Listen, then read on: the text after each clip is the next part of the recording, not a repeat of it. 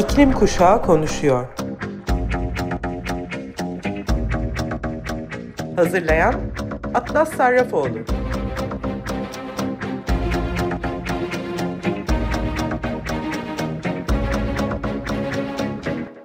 Hepinize merhaba sayın Açık Radyo dinleyicileri. Ben Atlas Sarrafoğlu. İklim Kuşağı Konuşuyor programına hepiniz hoş geldiniz. Bugünkü programda yine iklim haberleriyle birlikte karşınızdayım. Artan sıcaklıklar, seller, felaketlerin hepsini bu programda konuşuyor olacağız bu hafta yaşanan. İlk haberimiz Pakistan'dan. Pakistan halkının iklim krizi bir mola yok ve uluslararası haberlerde bu felaketleri umursamıyor gibi görünüyor. Aylarca süren ve 50 dereceyi aşan sıcak hava dalgalarının ardından ülke iklim değişikliği nedeniyle rekor kıran muson kaynaklı selleri yaşamaya başladı. Ancak bugüne kadar yaşanan en sert olarak görülen bu sel yolları yok ederek kaçmaya çalışan insanları da mahsur bıraktı. Özellikle Belucistan bu sellerden en kötü etkilenen bölgelerden. Hükümetin yaptığı ikazlarda çarşamba cuma günleri arasında yoğunlaşması beklenen yağışlar için Birleşmiş Milletler Genel Sekreteri Antonio Guterres de Pakistan'ın kortizonlu bir muson ile karşı karşıya olduğu konusunda uyarı yaptı. İki aydan fazla süren şiddetli yağışlar ülkenin 10 yıldan fazla bir süredir en kötü sele neden oldu. Milyonlarca dönüm ekin tamamen yok edildiğinden zaten ekonomik krizde olan bu ülke ve çılgın bir enflasyonla uğraşan halk şimdi de en yoksulların açlıktan ölme tehlikesiyle karşı karşıya. Yoksul halk için domates veya ekmek alabilmek günlük kazançlarının tamamına denk geliyor. Pakistan'ın tekstil endüstrisi kelimenin tam anlamıyla dünyanın geri kalanını giydiriyor olsa da sera gazı emisyonunun %1'inden daha azını üretmesine rağmen bedelini ölümlerle ödüyor. Pakistan iklim değişikliğinden dünyada en çok etkilenen 5. ülke konumunda. Pakistan'da yaşanan sellerin sebep olduğu felakete sayılarla bakalım. Bu sayılar geçtiğimiz salı gününün verileri, verileri e, belirtmek isterim. 1350 kişi öldü. Bunların 350'sinden fazlası çocuk. 50 milyon kişi yerinden edildi. 900 bin besi hayvanı öldü. 1 milyon ev sular altında kaldı. 40'dan fazla baraj yıkıldı. 220'den fazla köprü çöktü. %90 mahsul hasar gördü. Ekonomiye 10 milyar dolar zarar verdi. Ülkenin üçte biri su altında. Şu anda 1.2 derecelik bir ısıtmada bunu yaşadığımızı eğer tekrar hatırlatırsak o zaman küresel medya neden çocukların gelecek haklarını tartışmıyor. 1.5 dereceye ulaştığımızda ki bu çok yakın hayatları bu felaketlerden nasıl koruyabileceğiz? Cevabı lütfen düşünün. Ben 50 milyar dolar ile son çeyrek dönem kazancını açıklayan büyük fosil yakıt şirketlerinin suçu olarak görüyorum bu yaşananları. Peki bu sellerin neden ilk etapta meydana geldiğini hiç merak ettiniz mi? Sözde liderler, büyük şirketler, milyarderler ve zengin ülkeler tarafından göz gö- göre göre ölüme mahkum ediliyorlar. Pakistan'ın her yerinde yaşanan seller doğal bir afet değil, %100 insan yapımı.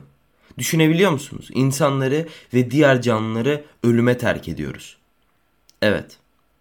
Kimileri aksiyonlarıyla, kimileri de aksiyonsuzluklarıyla yapıyor bunu bir türün diğer tüm türlerin ölümünden hatta yok oluşundan sorumlu olabileceğine daha önce hiç tanık olunmamıştı herhalde.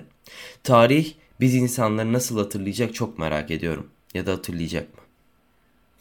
Pakistan, Uganda veya Sierra Leone'de yaşanan ağır iklim felaketleri durumunda mesela iklim değişikliğinin sömürgeci köklerini de göz ardı edemeyiz. İklim değişikliği zenginler ve seçkinler tarafından dayatılan kapitalist, sömürgeci ve emperyalist bir sistemin sonucudur. En zengin ülkeler örneğin Almanya yükü küresel güneye kaydırarak sadece çevreleri daha güvenli ve enerjilerin daha yeşil etkilenebilecek yasalara sahiptir. 2018 yılında Almanya taş kömürünü yasaklamaya e, çalışmasına rağmen Almanya'ya taş kömürü ithal etme yasağı şu anda mevcut değil. Şu anda Almanya'nın taş kömürü arzının çoğunu üreten Kolombiya insan hakları ihlali ve ekstra aktivizm sebepli ölümler nedeniyle buna kan kömürü diyor. 2014 yılında Norveçli şirketler karbon denkleştirmeleri için kullanılan arazileri yiyip bitirmesi binlerce Uganda, Mozambik ve Tanzanya gibi ülkelerde halkların bu bölgelerde zorunlu tahliyelerine ve gıda kıtlığına neden oldu. Gördüğünüz gibi ön cephelerde yaşayan topluluklar bu süreçte payları neredeyse hiç olmayan bir krizin yükünü taşıyorlar. Dünyanın en yoğun nüfusa sahip 5. ülkesi olan Pakistan'daki sel felaketinin boyutunu anlatmak gerçekten çok zor. Pakistan'da muson yağmurları döneminde her yıl sel felaketi yaşansa da bir bölge etkilisi bu yılki yağmurların şimdiye kadarkinden daha fazla olduğunu belirtti ve İncil'deki boyutlarda sel olarak nitelendirdi.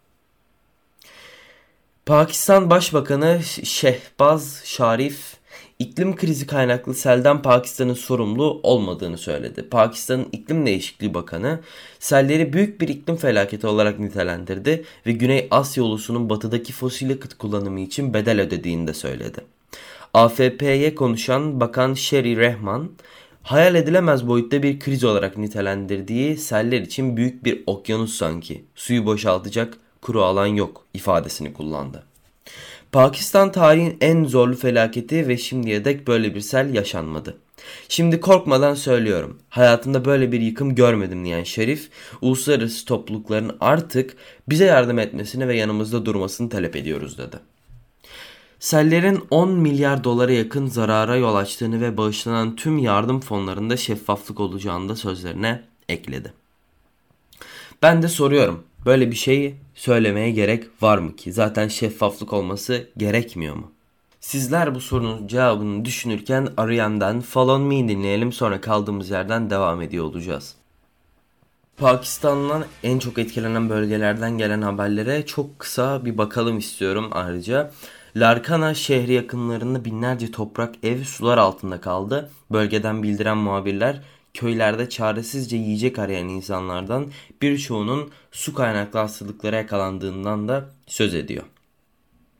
Birleşmiş Milletler Nüfus Fonu Pakistan'da sellerden etkilenen en az 650 bin hamile kadının kritik durumda olduğunu ve anne sağlığı hizmetlerine acil ihtiyaç olduğunu açıkladı.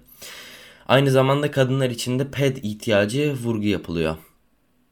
Sukkur şehrinin eteğinde ana caddelerden birine yüzlerce insanın yerleştiği birçoğunun kentte yardıma ulaşmanın daha kolay olduğunu düşüncesiyle uzak köylerden yürüyerek geldiklerini belirtiyor. Bazı bölgelerde sellerden dolayı sivrisinek sayısında patlama yaşandığı bilgisi gelirken yılan sokması ile yaşanan sağlık sorunları haberleri de alınıyor. Ayrıca her iklim felaketinin sonucu olarak can ve mal kaybı haricinde önemli olan konulardan biri de kültür kaybı. İklim tazminatları kapsamında sadece para olarak değil kültür kayıplarına karşı da tedbirler gerekiyor. Pakistan örneği üzerinden göz atalım. Hükümet ve sivil toplum kuruluşları her yıl gittikçe artan muson yağmurları sebebiyle milyonlarca kişiye yardım ulaştırmak için mücadele ederken sellerden etkilenen Sint eyaletinin çeşitli bölgelerindeki tarihi eserlerde acil bakıma ihtiyaç duyuyor. Eyaletteki çok sayıda kale, türbe ve çeşitli tarihi kalıntılar yok olma tehlikesiyle karşı karşıya bulunuyor. Eyaletin Larkana bölgesinde bulunan 5000 yıllık antik kent Mohenjo-Daro sit alanı sel sularından etkilendi. Eyaletin Kazi Ahmet ve Devletpur şehirlerinin yakınındaki Budist anıtı Tulmirrukan tahtada UNESCO Dünya Mirası listesinde yer alan Makli anıtları da zarar gören eserler arasına yer aldı. Pakistanlı yetkililer sel felaketinde iklim değişikliğinin etkisinden söz ediyor. Ancak belediyelerin planlama eksikliği ve inşaatların sel ve alanlarda yapılmasının kayıpları arttırdığını belirtiyor. Basında çıkan haberler ise bir tarafa size bir de New York'ta yaşayan Fossil Free University ve Polluters Out'un kurucu ortağı 23 yaşındaki Pakistanlı iklim aktivisti Ayşe Siddika'nın mesajını iletmek istiyorum. Söyledikleri bence çok önemli. Pakistan'da şu anda meydana gelen sel iklim değişikliğinin ve hükümetin yetersizliğinin doğurduğu bir sonuçtur. Pakistan'da bu yıl yaz 50, 50 santigrat dereceyi aşan çılgın sıcak dalgalarıyla başladı. Sıcak hava dalgasının sağlık sistemimizi tahrip edip çocukları ve yetişkinlerin beslenebilmek için okuldan ve işten ayrılmak zorunda kalmalarına ve sonuçta ülkenin bir iklim acil durumu ilan etmesine neden oldu. Seller ülkemizi tamamen sildi. Binlerce kişi ölüme terk ettiler. Yüzden fazla çocuk öldü ve milyonlarca insan evsiz kaldı. Yani bu her 6 kişiden biri demek. Hükümetin esnek altyapı inşa etmek için geniş fırsatları vardı. Bunun yerine iklime dayanıklı olmayan daha kötü altyapı üzerine inşa etmeyi tercih ettiler. Buna ek olarak mevcut Başbakan Şahbaz Şarif ve hükümeti halk için 50 milyon doların üzerine fon yatırımı yaptı. Ancak şeffaflık yok ve fonların nereye gittiğini tam olarak bilmiyoruz. Bu nedenle izleyen herkese sesleniyorum. Lütfen yerel organizasyonlara bağış yapın. Pakistan'ın gelişmiş ülkelerin hükümetlerinin düşüncelerine ve dualarına ihtiyacı yok. Gelişmiş ülkelerin bize borçlu oldukları mali borçların ödenmelerine ihtiyacı var. Halkımız acı çekiyor. Bize borçlu olduğunuzun farkına varın ve borcunuzu ödeyin. Böylece iklime dayanıklı altyapıyı oluşturabiliriz. Böylece sellere gel seller geldiğinde daha az kayıp ve hasar olacak şekilde uyum sağlayabiliriz. Ayşe geçtiğimiz hafta sonu paylaştığı tweetlerde şöyle demiş. Sıcak hava dalgaları sırasında en ufak bir rahatsızlık yaşadıklarında Birleşik Krallık için gösterdiğiniz enerjiyi Pakistan'a göstermemize ihtiyacımız var. Dondurmaları eriyordu ve bu haber manşetlere taşınmıştı. Mart ayında üstelik hiç olmadığı kadar erken bir zamanda Pakistan sıcak hava dalgalarına ilk kez maruz kaldı. Hükümet kelimenin tam anlamıyla bir karmaşa içindeydi. Protesto eden, yeniden seçim talep eden insanlar vardı. Ülkenin bazı kesimlerinde olağanüstü hal ilan edildi. Sıcak hava dalgaları on binlerce kişinin hastaneye kaldırılmasına neden oldu. Okullar kapatıldı, böylece çocuklar evden dışarı çıkmadılar. Üstüne üstlük 12-18 saatlik elektrik kesintileri oldu. Ve Haziran muson yağmurlarıyla geldi. Ülkenin bazı yerlerinde 3 ay boyunca yağmur durmadı. Temmuz ayında buzulların da patlamasıyla birleşince sıcak Keşmir, Gilgit'te bir nehrin taşmasına ve büyük bir köprü ve 20 hanelik bir köyün yok olmasına neden oldu. Şimdi hükümet temsilcileri televizyonda ya özür diliyordur, tartışıyordur ya da zaman kaybediyordur. Halk öfkeli.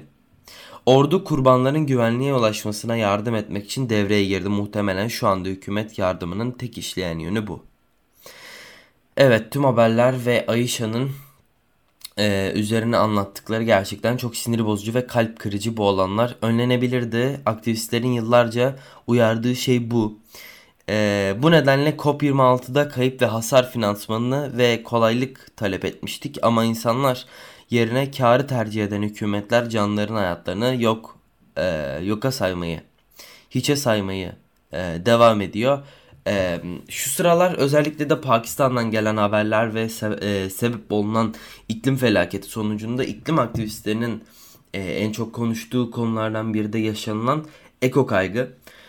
Ağaçları kavuran, e, orman yangınları, evleri dümdüz eden e, kasırgalar ve canlar e, alan ani sel görüntüleri iklim değişikliğinin etkisinin e, çok gerçekçi, e, çok gerçek e, ve daha sık görülen işaretleri aslında baktığımız zaman ve tabii ki biz gençlerin ruh sağlığını, mentalitesini, her şeyini etkiliyor. Çünkü sonuçta bizim geleceğimiz. Bilim insanları çocuklar ve gençlerde eko kaygı yani çevresel felakete karşı duyulan e, kronik korkunun arttığı konusunda uzun zamandır uyarılarda bulunuyorlar. Malara ve Richard Powell British e, Medical Journey için bir kaleme aldıkları makalede iklim krizinin zihinsel sağlık üzerindeki etkilerinin derin etkileri olduğundan da bahsediyor. Artan e, eko endişe risklerinin etkilerini göz ardı etmek bu psikolojik etkilere karşı az ya da çok savunmasız olanlar arasında sağlık ve sosyal eşitsizlikleri şiddetlendiriyor. Sosyoekonomik etkiler iklim krizinin ele alınmasının ulusal maliyetlerine önemli ölçüde katkıda bulunacaktır diyorlar. COP27 yolunda IPCC raporları ışığında iklim adaletsizliğinin önüne geçebilmek için en önemli yollardan biri iklim tazminatlarının sağlanması. İklim aktivistleri olarak geleceğin yaşanılabilir olması için kayıp ve zararlar konusunda hesap verilebilirlik, uyum ve finansman talep ediyoruz. Ayrıca hükümetlerin de iklim krizinden korunmak için aldığı fonlar için hesap verilebilirliğe ve şeffaflığa ihtiyacımız var.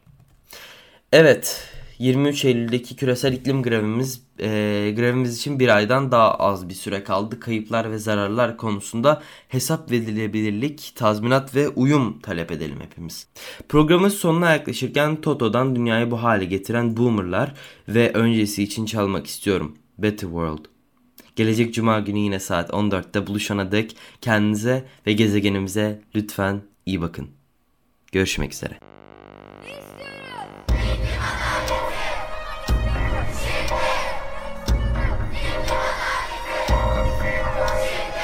İklim Kuşağı konuşuyor.